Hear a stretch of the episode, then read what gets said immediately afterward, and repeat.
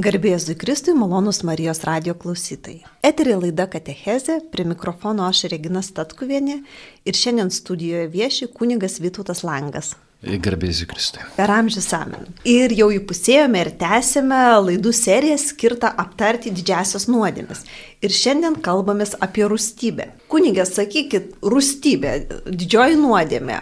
Ar tai tas pats, kas pyktis, ar vis dėlto turėtume atskirti rūstybę nuo pykčio? Na, didžioji nuodėmė, tai man atrodo greičiau įda tokia, tas dalykas, kuris labai dažnai kartojasi tavo gyvenime, yra tapęs jo dalimi, kuris yra testinis ir rūstaus gyvenimo būdo.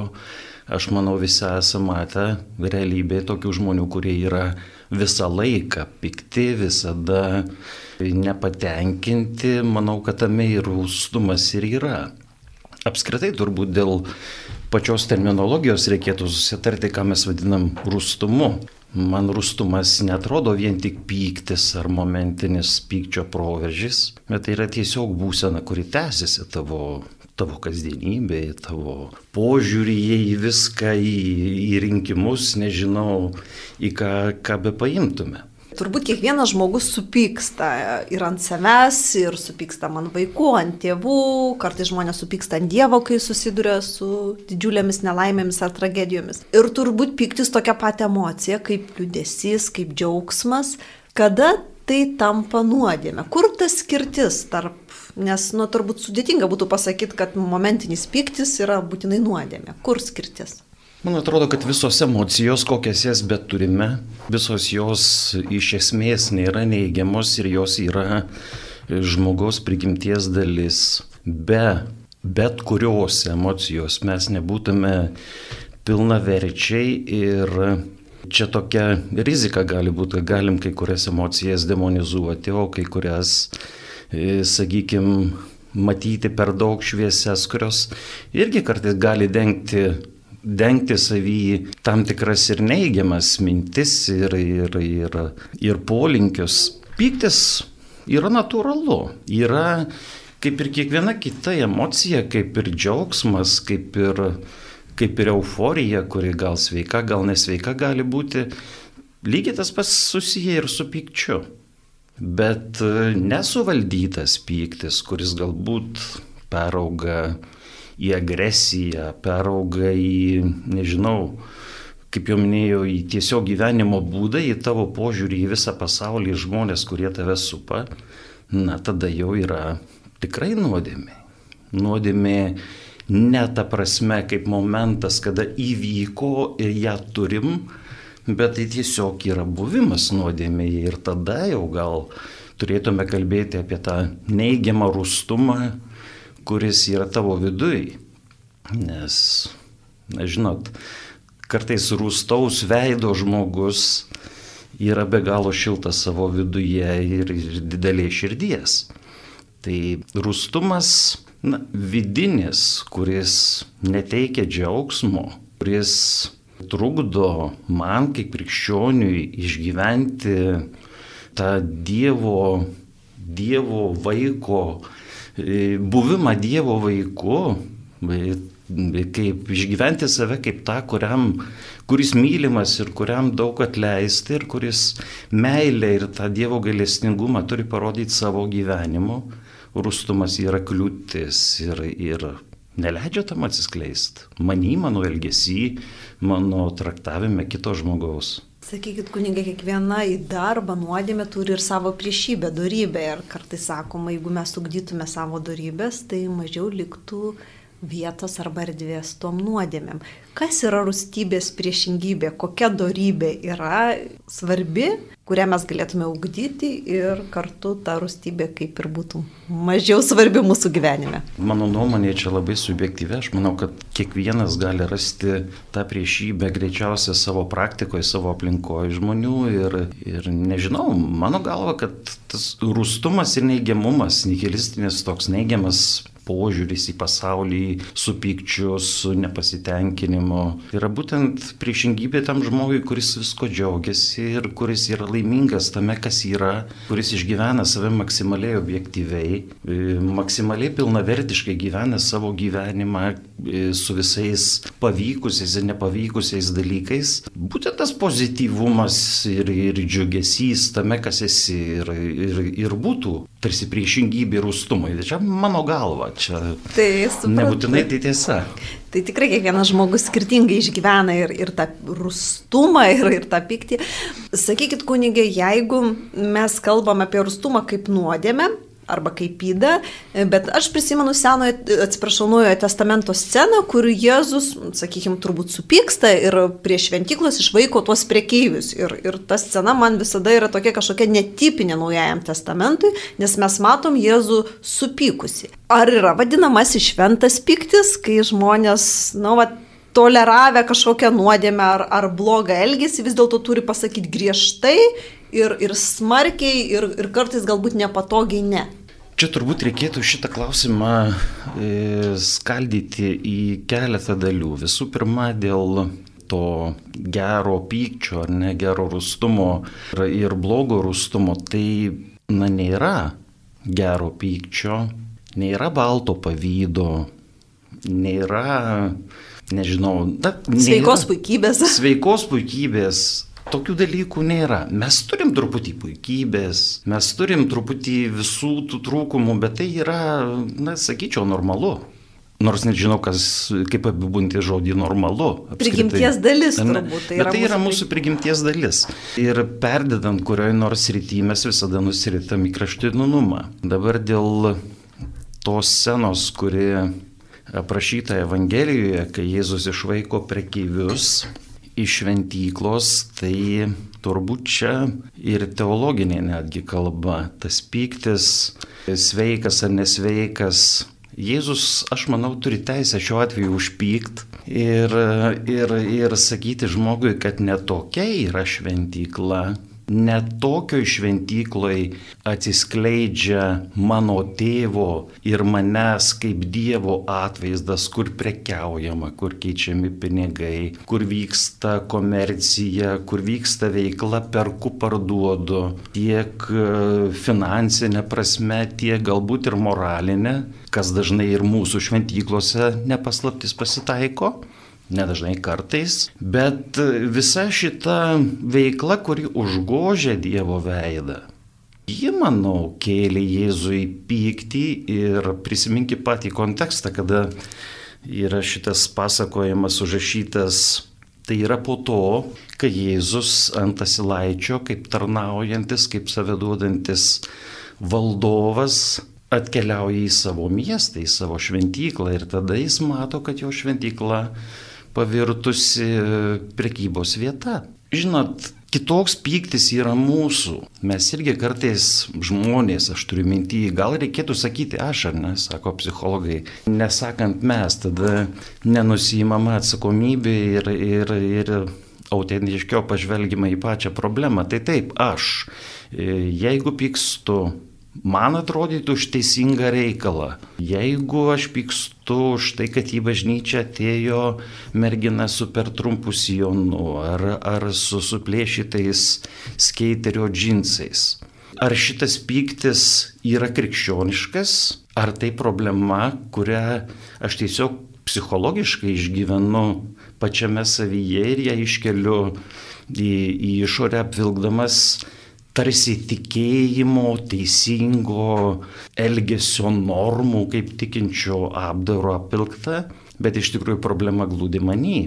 E, Kunigė, jūs kalbate tokius apie, sakyčiau, gana stereotipinius vis dėlto dalykus ir aš įsivaizduoju, kad jau to pykčio, kad netaip jau mes čia bažnyčioje kažką matom, gal ir mažai. Bet kartais krikščionys susiduria su tokiais tikrai dalykais sunkiais toje pačioje Prancūzijoje arba, arba Latino Amerikoje, ko ne kasdien yra kažkoks baisus išpolis prieš katalikų bažnyčią, jos deginamos, mm, yra naudojami krikščionybės simboliai, kai yra tikrai išniekinami, esu mačiusi, pavyzdžiui, Belgijoje vyrų ir moterų tualetai pažymėti švenčiausios mergelės Marijos ir Jėzaus paveikslais. Ir tokie dalykai krikščionį turbūt užgauna ir, ir čia jau yra kalba ne apie tai, kad kažkas atėjo į bažnyčią ten su šortais ar su suplyšusiais džinsais. Tai jau yra tokio mm, ribų peržengimas, sakyčiau. Ar Ir krikščionis tyli, tai galbūt kartais ir trūksta tos veikos rūstybės. Arba matydami, kaip pavyzdžiui, jų vaikai elgesi, aš suprantu, kad vaikus reikia ugdyti su meile ir, ir, ir pagarba, bet kartais turbūt irgi yra ta riba, kai reikia ir to griežtumo.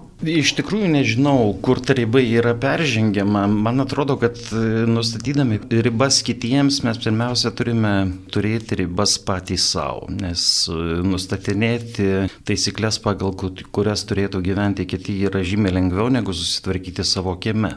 E, tai buvo visada ir, ir dažniausiai ta netvarka manyje ji labiausiai pasireiškia išorėje mano santykiai ir kontaktai su kitu žmogumi. Čia nei teisinti, nei atsakyti už tuos, kurie niekina kitų, kitiems sakralę simboliką arba, arba tai, ką kitas gerbė.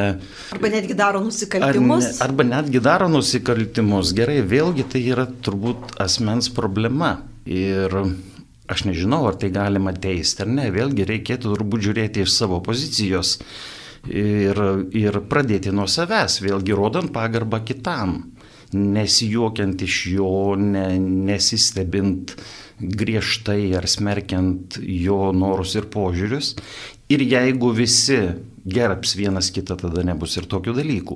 Aišku, mes e, turime stovėti savo pozicijoje ir ginti tai, kas man yra brangu, nes tai žaidžia mano laisvę ir čia jau šiuo atveju turbūt kalbam apie agresiją netgi. Agresija kaip tik ir būtų ta rūstybės forma, jeigu jau taip kalbant, kuri, kuri tiesiogiai susijusi su kontakto, netgi agresyvių kontakto kito žmogaus atžvilgiu. E, tai šioje pozicijoje mes turime teisę gintis. Gynyba ji visada yra teisėta. Kai žaidžiama žmogaus orumas ar krikščionio orumas, mano būties orumas. Mėly Marijos radio klausytojai, eterė laida Katecheze. Kalbamės apie didžiasias nuodėmės ir šį kartą kalbamės apie rūstybės įdą arba nuodėmę ir pašnekovas kuningas Vytautas Langas. Kunigė labai gražiai išsireiškėt, kad reikėtų pirmiausia žiūrėti į save. Ir aš dabar žiūriu į mūsų kasdienybę, į tą gyvenimą ir turbūt socialiniai tinklai, anoniminiai komentarai buvo tas na, turbūt Rubikonas, kurį peržengus žmonės e, tikrai tapo galbūt mažiau atsakingi ir rūstesni, nes kai mes bendraujam betarpiškai, susitinkam gyvai, vis tiek yra tos etiketo normos, mes netgi nesutikdami ir oponuodami vienas kitam laikomės tam tikrų padarumo, sakykime, arba gero elgesio standartų, bent jau dauguma ir, ir, ir panašiai. Internete žmonės leidžia savo pasakyti tokius žodžius, tokias frazes, kurių turbūt vis dėlto gyvai nedrįstų pasakyti akis. Ir kartais ta rūstybė, jinai tiesiog tarpsta dėl rodos visai ir, ir nesvarbių dalykų, ar dėl politinių pažiūrų, ar dėl vieno ar, ar kitokio išsakyto teiginio, žiūrėk jau ir užverda. Na taip, bet man atrodo, čia tiesiog e, psichologiniai dalykai žmogų labai veikia, kada, žinot, e, silpnas žmogus, kuris yra iš esmės bailus, kuris neturi savo tvirtos pozicijos, kuris nėra apskritai brandus, čia, sakykime, jis turi galimybę tada, kai niekas jo nemato ir žino, kad niekas negali jam kontrargumentuoti arba bent jau tiesiogiai su juo diskutuoti, e, jis tokiu būdu išreiškia save, jis tokiu būdu pasijunta reikšmingas, bet... Ir saugus kartu niekas. Ir saugus, nes jam nereikės atsakyti tarsi už tai, ką jis padarė. Tai yra žmogaus, silpno žmogaus požymis.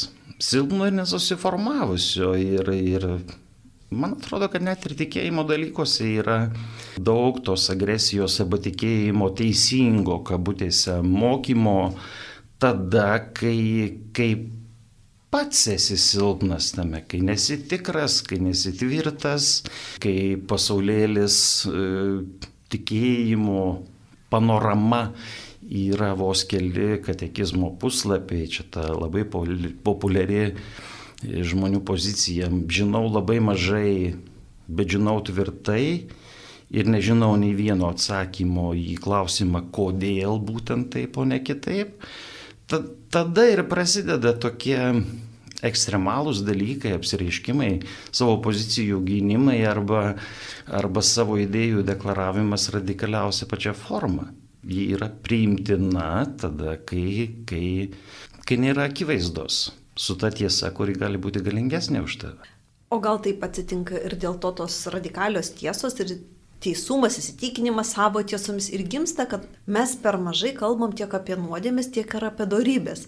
Galbūt gavėnė yra ta proga, kai tikintieji tiek per rekolekcijas, tiek ruoždamiesi Velykoms šiek tiek susimastų, bet kasdienėme gyvenime kai kurie žmonės netgi sako, aš esu toks užsiemęs, toks užimtas, kad aš neturiu laiko nusidėti. Dabar prasme, kad atrodo šio laikinis žmogus nedaro nei gerą, nei blogą, nes ir nuodėmės, ir darybės sampratos jos tarsi yra išplaukusios. Ir kai nėra to iškumo, tada labai sunku suprasti, kas yra gera, kas ne. Na, tada turbūt reikėtų grįžti prie paties jo to evangelinio krikščioniško, krikščioniškos sampratos, apie kurią kalbama Evangelijoje ir apie tą įstatymą, kuris dažnai tarsi apibrėžia daugeliu įtikinčiųjų jų buvimą teisume arba jų nenaudėmingumą, kai būtent net ir klausykloje, aš kaip kuningas, ta prasme, dažnai susiduriu, kai žmogus ateina ir sako, na, iš esmės nieko blogo nepadariau, nieko nenužudžiau, nieko nepavogiau ir, ir taip toliau.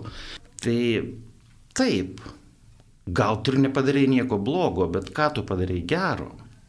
Nes Jėzus sako, kad aš atėjau nepanaikinti įstatymo, viskas tvarkoj su įstatymu, jis yra, jis kiekviena raidelė turi būti išpildyta, bet aš noriu iš tavęs daugiau, aš noriu, kad tu mylėtum, Aš noriu, kad tu priimtum, aš noriu, kad tu būtum kaip tas Luko Evangelijos e, tėvas, kuris vienodai myli ir tą sūnų, kuris geras, visą laiką būna su tėvu, bet nieko daugiau ir nepadaro turbūt, ne?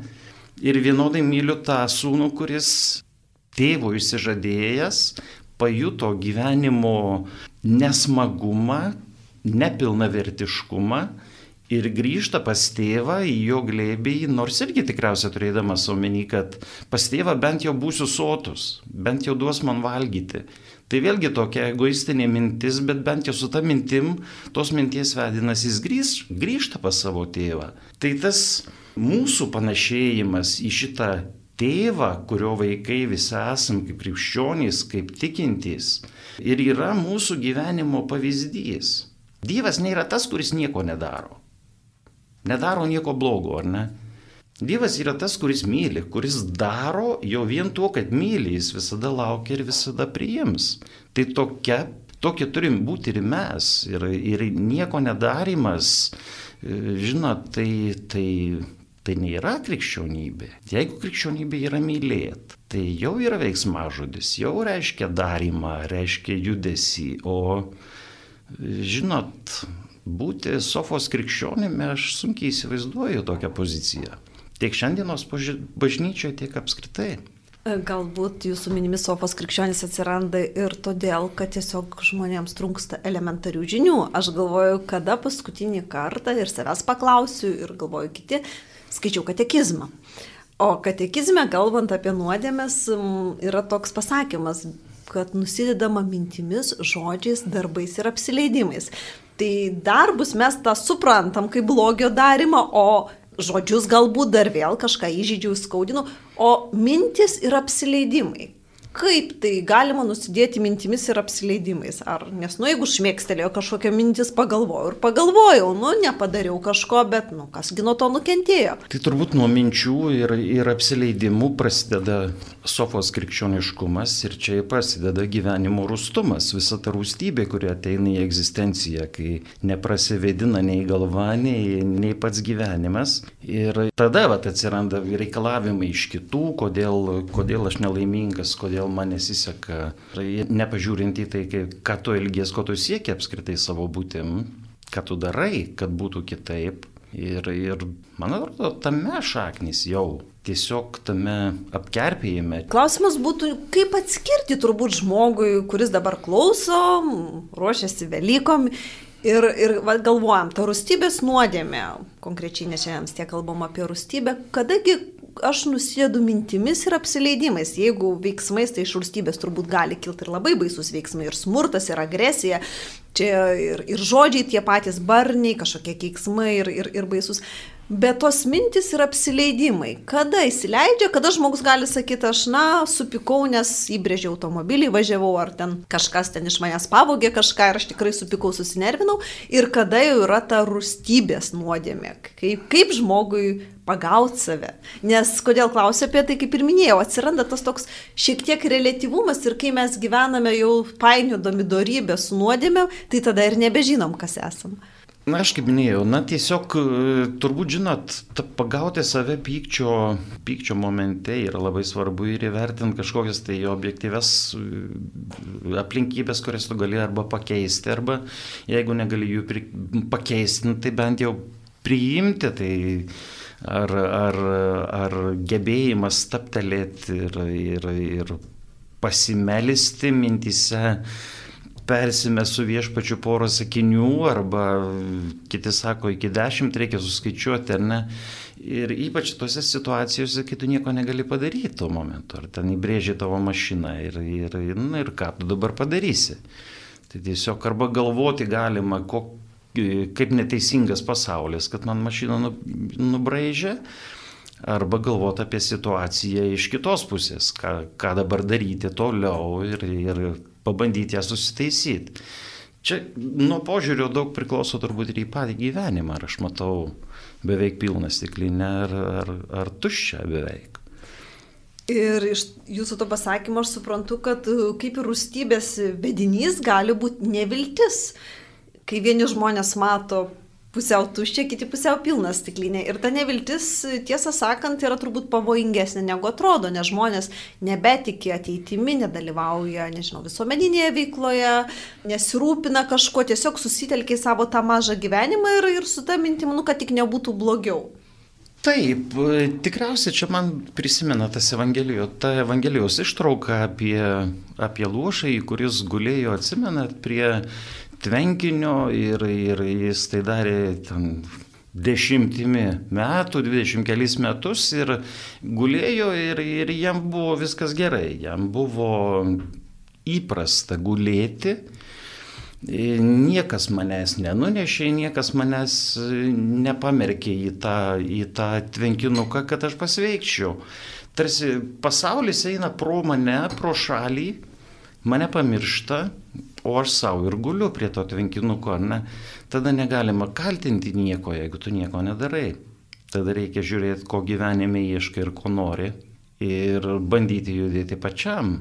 Turbūt taip. Aš dar norėjau grįžti prie tokio, galbūt, kada yra griežtumas, vis dėlto yra svarbus, nežinau, man norėtųsi tokiam, ar nepastebit šiais laikais, kad mes labai toleruojame įdas. Ir vis dažniau atsiranda tas požiūris, kad galbūt tai susijęs su vis didėjančiu individualizmu, kad tai yra tavo reikalas, tavo pasirinkimas, svarbu, tu man netrukdai. Ir, ir kodėl aš klausiu, dažnai šeimose žmonės Tėvai apie vaikus, na, jie pasirinko gyventi taip, gal čia santoka ir svarbi, bet nu čia jų reikalas, nu nekrikštie vaikų, tai užauks ir, ir čia tada jau galės apsispręsti. Ir kartais atrodo, kad žmonės bijo tos pykčio, gal įdos, o gal šiaip bijo susipykti su žmonėmis ir tarsi pataikauja ten, kur neturėtų ir kurių pareiga netgi būtų, bet, nu, gal tiek to aš čia nusišalinsiu. Ar čia krikščioniškas požiūris, ar jau čia aš kalbu ne apie pyktį, apie kitus dalykus. Aš nežinau, kaip tai įvardyti. Taip mes turim teisę pasakyti e, tiesą, kurią mes turime, kurią mes įsivaizduojame, gali išsakyti, arba kad mes apskritai įsivaizduojam, kad žinom tą tiesą, kad, kadangi esam krikščionys, kadangi esam tikintys ir tai mums atrodo tiesa. Tiesa, jie gali skirtis nuo tos, kur yra Evangelijoje, nes mes mėgstam Evangeliją pritaikyti savo ir tą modifikuotą variantą pateikti kaip neginčiamą. Žinot, aš dažnai susiduriu su tuo, apie ką jūs kalbate, būtent tiesiog būdamas parapijoje, klausydamas iš žmonių ir būna atvejų, netgi tiesiog konkrečių atvejų, kada žmogus sako, dažnai, ten nežinau, vyresnio amžiaus e, moteris ateina, sako, aš kiekvieną sekmadienį susipykstu su savo vyru ir su savo vaikais, kurie neina į mišes. Aš einu, Jiem liepiu eit ir jie neina. Ir mes kiekvieną sekmadienį susipykstam. Ir čia aš tada klausiu, gerai, tu išsakei savo tiesą. Tu išsakyk ją vieną kartą. O kaip žmogus elgsis, na tai vis dėlto sprendimas yra jo. Galbūt jie dėl to ir neina, kad turi tokį imperatyvą ir Būtent. tą griežtumą ir tą tokį pamokslavimą ir, ir, ir jaučiasi kaip neturintis laisvo apsisprendimo. Ir tada kokią žinią aš nešu? Visų pirma, kad aš, aš pristatau save kaip labai tikinti, kuris kiekvieną sekmadienį sugadina nuotaiką visa še, visai šeimai ir tokiu būdu aš reprezentuoju net ir Dievą, kurį tikiu. Nes reiškia, visi krikščionys mama, tokie. Visi krikščionys tokie ir aš tikrai neaukosiu savo gražaus laiko savaitgalio, ypač kai šviečia saulė ir pavasarėje ir neįsiu gadinti savo nuotaikos į bažnyčią, kur susirenka tokia kaip mano tikinti mama. E, ar uošvė, aš nežinau. Ta aš prasme... dabar esu tikra, kad mūsų tikrai klauso ir tos mamos ir uošvės, kurios tikrai kartais taip elgesi, bet ką jom patarsit, žmogus nežino, jam skauda, nu jis išlieva savo pyktį taip ir, ir tada ir su vyru ir vaikais vėl susipyksta ir užburtas ratas. Tai ką tam žmogui daryti? Tai mama ir tai uošvė. Žinot, va čia va, turbūt e, labai atsiskleidžia tas e, pyktis, kuris netoks negatyvus atrodytų, jeigu aš vieną kartą karštai ir atstovėdamas, sakykime, savo vertybės, išaiškinu ir pasakau savo vaikam ir savo vyrui, kodėl reikėtų eiti sekmadienį į bažnyčią, kodėl aš juos kviečiu eiti kartu ir palikti truputį veiklos Dievui tada nesistengti atversti visą pasaulį vien savo jėgomis, nes e, aš čia matau savo kaip krikščionio tos Dievo žodžio sėklos įėjo funkciją, bet gal ne augintojo. Aš pasėjau žodį, pasėjau žinę, o toliau palikim veikti ir viešpačiui, kuris e, leidžia ir saulė išviesti, ir lietų įlyti, ir ant tų, kurie eina su manimi sekmadienį į bažnyčią ir kurie ne. Mano pareiga pasėti sėklą juose. Pasėti sėklą ir galbūt net parodyti, kuo ta sėkla pavirsta, bet, ji, bet parodyti savo gyvenimu ir savo elgesiu su kitu žmogumi, savo požiūriu į jį savo gebėjimu jį mylėti, o ne atstumti, nežinau, kokiais nors negražiai žodžiais nevadinti, už tai, kad, jį, kad jis nepriima Dievo tokį, kokį aš noriu jiems jį pristatyti. Tai jeigu teisingai suprantu, kad neprisimto mokytojo rolės, net jeigu ir esu mama ar tėvas, bet turbūt geriausiai veikia asmeninis pavyzdys. Ir jeigu jau vaikas ar vyras nenori su manimi eiti šiandien, tai turbūt paklaus savęs, ką aš veikiau vakar, už vakar ir ne ką kalbėjau, o kaip elgiausi ir kaip rodžiau pavyzdį. Aš manau, kad tai vienas, vienas iš tų variantų. Taip, ir žinot, Dievas turbūt pasišaukė žmogų. Mes galim būti tik tai priežastys arba pretekstai galimybė Dievui prakalbėti, galim būti įrankiai, per kuriuos Dievas prakalba, bet pretenduoti į tuos, kurie ar pilnai atskleis patį Dievo veidą, tai labai sunku.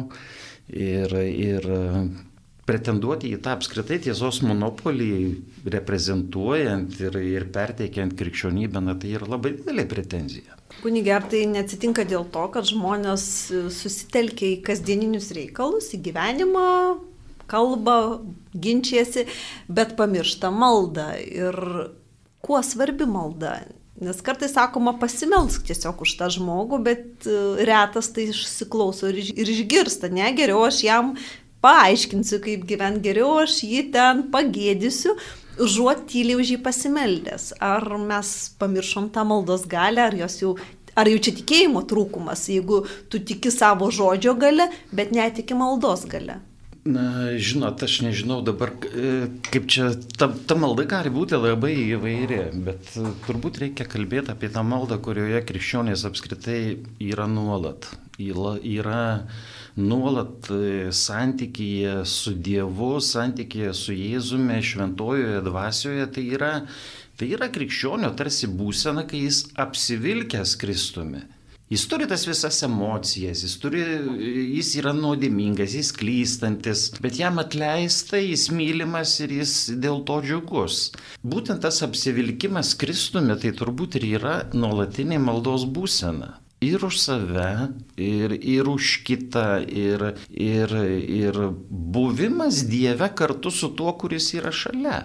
Malda čia gali būti prašoma, taip žmonės dažnai būna ir nusivylę, aš visą gyvenimą melžiuosi, bet neįvyksta. Nes turbūt supranta malda kaip kažkokį tai, nežinau, turgu ar dėrybas, Dieve duok man tą, kaip kalėdų seneliui, Dieve atsiūsk man tą, noriu dabar gero darbo, dabar sveikatos, dabar pripažinimo, bet turbūt malda ne apie taigi. Turbūt ne apie tai. Ir čia, čia tokia malda, kurią, kurią Jėzus ir išvaikė tada šventykloje. Dodes. Nėra, aš tau duodu, tu man duok Dievę, aš padariau gerą darbą, dabar duok man kad neskaudėtų kojos, ar ne, na taip. Na jau į bažnyčią užsakiau mišes. Užsakiau mišes ir, ir, ir dabar laukiu, kada nukris to mano, e, reiškia, investicijų vaisiai, kada pasieks mane. Na, ne apie tai kalba. Ne apie tai gyvenimas apskritai. Ir Evangelijoje labai gražiai pasakyta, kad mylėkite savo priešus. Ir turbūt kalbant apie rūstybę arba, arba romumą, jos priešingybę darybę, tai labai svarbu būtent ne save, ne savo mylimuosius, bet turbūt ir apie savo priešus, nežinau, pasimelsti ar jam atleisti. Maldoj turi sutilpti visi ir, ir kas dabar priešas, žinot, ar yra priešų, ar yra, žmonių, kurie, kurie nesuprato, ar yra žmonių, kurie klaidingai suprato, ar ta malda tokia pati kaip, kaip kad Jėzaus ant kryžiaus turėtų skambėti iš mūsų lūpų, bet čia vėlgi mūsų gali būti suprasta tendencingai ir neteisingai, kai Jėzus sakė, kad viešpatyje nežino, ką daro būk jiems gailestingas už tai. Čia vėl toks sudėvėjimo problematika atsiranda, panašiai į tai, kada mes, mes tarsi nurodinėjom savo maldoje Dievui, ką jis turėtų padaryti, ką turėtų atversti, kaip turėtų pasielgti konkrečioje situacijoje, netgi įsiveliam į konfliktą su juo dėl to. Kas tai priešai reikia įsiaiškinti.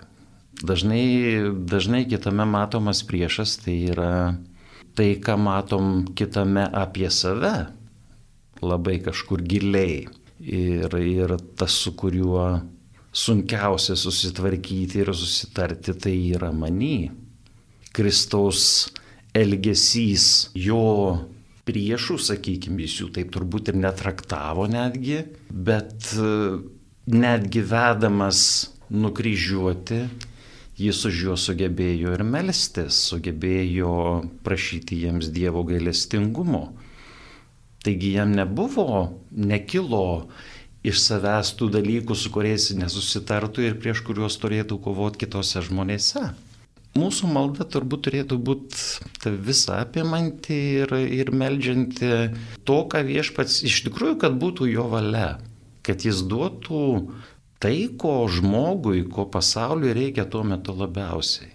Tai kitaip tariant, netgi žmonės prašydami ir melzdamiesi konkrečių dalykų tam tikrą prasme prisiema Dievo rolę, nes jie žino, kas yra geriau, kas yra svarbiau ir sakydami, melzdamiesi Dievę, duok man, nu, va, tą ir aną, tai tarsi nepriima nuolankiai tos Dievo valios, o ta Dievo valia iš tikrųjų dažniau ir būna tai, ko mums iš tikrųjų reikia. Čia turbūt ar prašydami ir reikalaudami reikėtų daryti truputį skirtumą, nes prašymas jis yra nuolankus, kai žmogus yra toje pozicijoje, kada nusiteikęs arba gauti arba ne. Nepasitenkinimas kyla greičiau tada, kai aš reikalauju ir man to neduoda. Va, tada tokia malda aš manau, kad tikrai nėra autentiška. Bet kartais žmonės rodos atsiduria tikrai sudėtingose situacijose ir išgyvena netektis, vaikai miršta ir taip toliau. Ir tada jie tikrai supyksta ant Dievo ir sako, Dieve, kodėl, nu, antras pasaulinis karas, Dieve, kodėl, matom dabar karą Ukrainoje, kiek žūsta nekaltų žmonių vaikų ir, ir žmogui kyla pagristas klausimas, tai va, kodėl čia ta Dievo valia tokia? Tokie globalūs klausimai, kad aš net bijau iš tikrųjų, bet e, žinot, Ne Dievas kaltas, kad pasaulyje egzistuoja blogis, ne Dievas kaltas, kad vyksta pasaulyje karai, o tai yra žmonių pasirinkimai. Žmonių apsisprendimai, jų pasirinkimai ir e, tą blogį, kurį mes turime aplink, jį sukuria žmonės, jį sukuriame savotiškai mes. Kitas dalykas, sakykime, žūsta vaikai ir taip toliau. Na, vėlgi, ar, ar, ar, ar čia yra dalykai, kurie priklauso nuo Dievo ar nuo mūsų? priklauso nuo mūsų Dievo nepažinimo arba jo valios nevykdymo. Žiūrėkime, kad ir dabar tas karas, kuris vyksta visai mūsų kaiminystėje Ukrainoje, man netgi kartais siauba kelia YouTube pažiūrėjus ten įrašus, kaip kalba, pavyzdžiui, Rusijos kai kurie dvasininkai, kunigai ortodoksų bažnyčios. Na tai yra absoliuti priešingybė tai žiniai, kurias kelbė Evangelija. Bet Ir čia klausimas tada, ar čia iš Dievo kylantis, ar iš velnio, ar iš piktojo ta blogybė, kuri egzistuoja mūsų tarpe. Dievas veikia mūsų rankom šiandienai pasaulyje ir... ir arba ir, neveikia, jeigu mes... Nu, arba neveikia, jeigu neveikiam ir mes. Tada, ne? Arba ir velnės taip pat. Veikia irgi mūsų rankomis ir, ir mūsų galvomis, mintimis ir realybė, kurią kuriam tom savo rankom ir kojom. Ir kartais prisidengdamas gražiai žodžiais turbūt ir, kaip minėjot, krikščioniškom tiesom netgi. Tai be abejo, žiūrėkit, ir Jėzų gundė velnės įsivedęs į dykumą, cituodama šventą raštą, tai čia labai, labai galima gražiai pridengti viską šventais dalykais ir, ir dalyti tikrai piktojo darbus.